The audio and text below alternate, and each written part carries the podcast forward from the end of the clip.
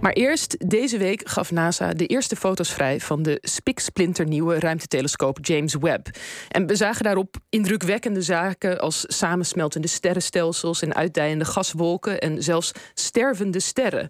Maar misschien nog spectaculairder of moeilijker te bevatten dan wat we zien, is de gedachte dat we op deze foto's miljarden jaren terug in de tijd kijken. Dat vonden wij in ieder geval als OVT toch wel bijzonder om te lezen. En we vroegen ons toch ook af, wat betekent dat nou eigenlijk?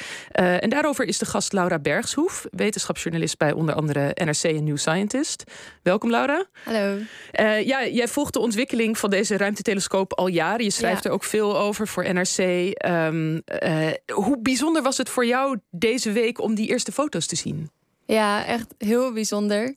De telescoop, ja, wetenschappers over de hele wereld zijn ongeveer 30 jaar mee bezig geweest om het uh, te bouwen.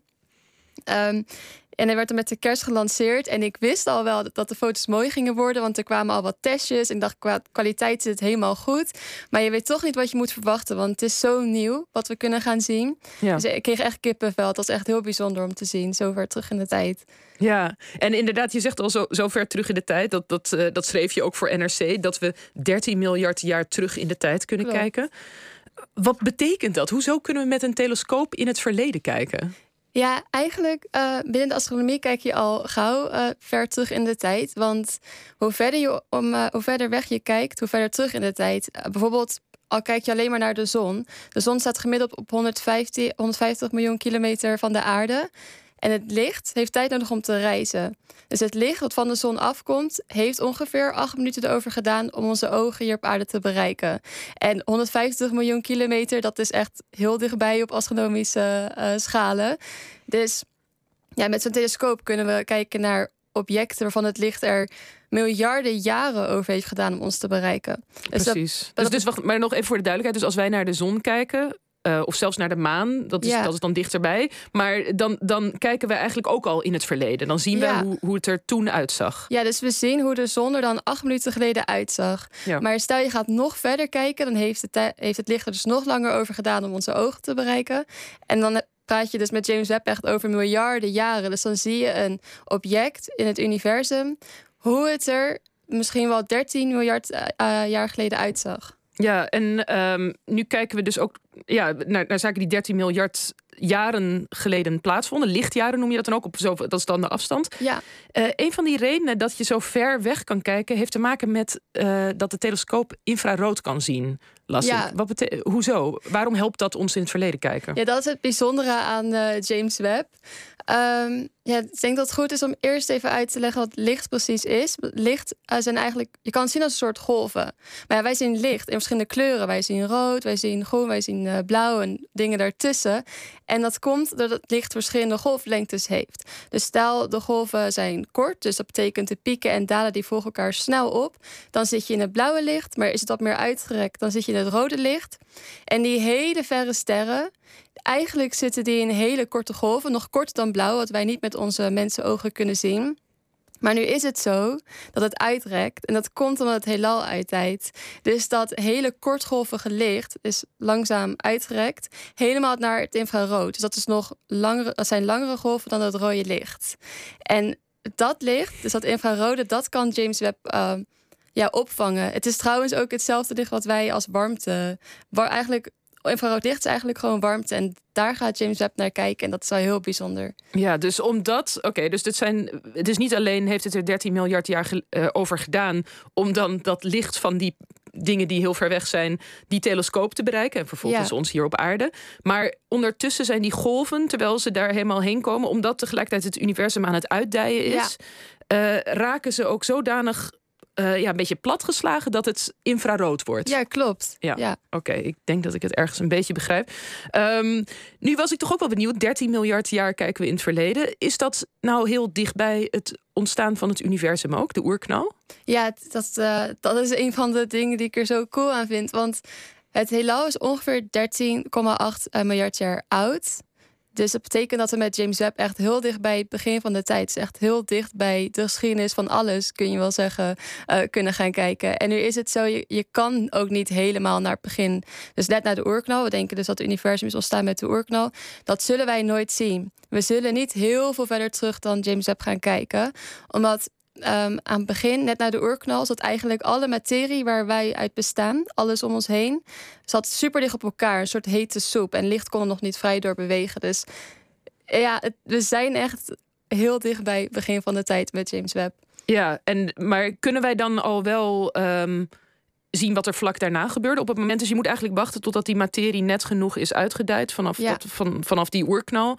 Dat het licht er doorheen kon bewegen. En dan kunnen wij het dus gaan zien. Ja, wat we bijvoorbeeld uh, kunnen gaan zien zijn echt die allereerste sterren en die allereerste sterrenstelsels en planeten, hoe die ontstaan zijn. Dat uh, kunnen we gaan zien. Ja, want dat wat vroegen wij ons toch ook af van. Zijn er nou bepaalde historische vragen die astronomen eh, zich dan stellen over uh, het universum, hoe dat, hoe dat veranderd is door die 13 miljard jaar heen, die we nu kunnen gaan beantwoorden met die telescoop? Ja, wat, je hebt natuurlijk een beetje de algemene filosofische, wat grotere vragen waar astronomen mee uh, zitten. Is, ja, is eigenlijk waar komen wij met z'n allen vandaan en waarom is het heelal zoals het is?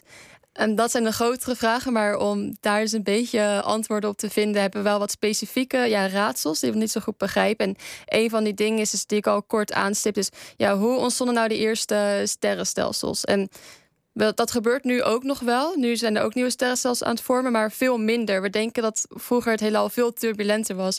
Hoe zat dat? En maar ook planetenstelsels. Dus bijvoorbeeld wij zitten samen met andere zeeplaneten, draaien wij om de zon. Dat noem je een mhm. planetenstelsel. En al die planeten zitten op een bepaalde afstand van de zon. Maar we snappen nog niet zo goed, uh, is een planeet ontstaan op de plek waar die nu is? Of was het eerst heel dicht bij de zon ontstaan? Want planeten ontstaan uit het stof en gas rondom uh, de zon in dit geval, om de moederster. Of zijn die planeten in de loop van de tijd wat verder naar achter uh, gegaan? Hoe ontstaat zo'n zonnestelsel?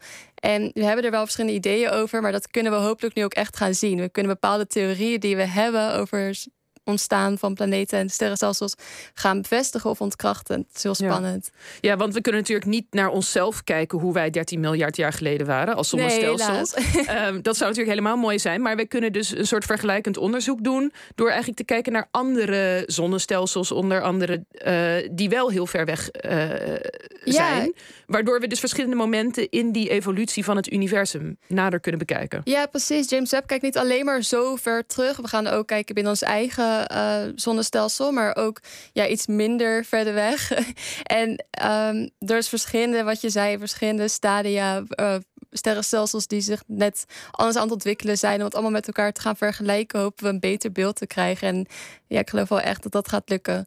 Ja, en wat, waar ben jij zelf nou het meest benieuwd naar? Wat is nou een vraag die jij hebt waarvan je denkt van... oh, misschien gaat die telescoop daar antwoord op geven? Ja, dat, dat zijn er eigenlijk twee. Het eerste is weer het algemene, want ja, onze theorieën. Dus wij kunnen wel denken hoe bepaalde sterren of sterrenstelsels ontstaan. Want we hebben computermodellen die dat berekenen. En we hebben ja, schoolboeken en zo. Alleen die theorieën lopen een beetje voor op onze waarnemingen. Dus we denken dat iets zo is, maar we weten het gewoon niet zeker omdat we het nooit gezien hebben. En ik vind het heel spannend. Nou, ik hoop eigenlijk zelf dat blijkt dat bepaalde theorieën van ons niet kloppen. En dat natuurkundigen dan allemaal weer naar de tekentafel moeten om.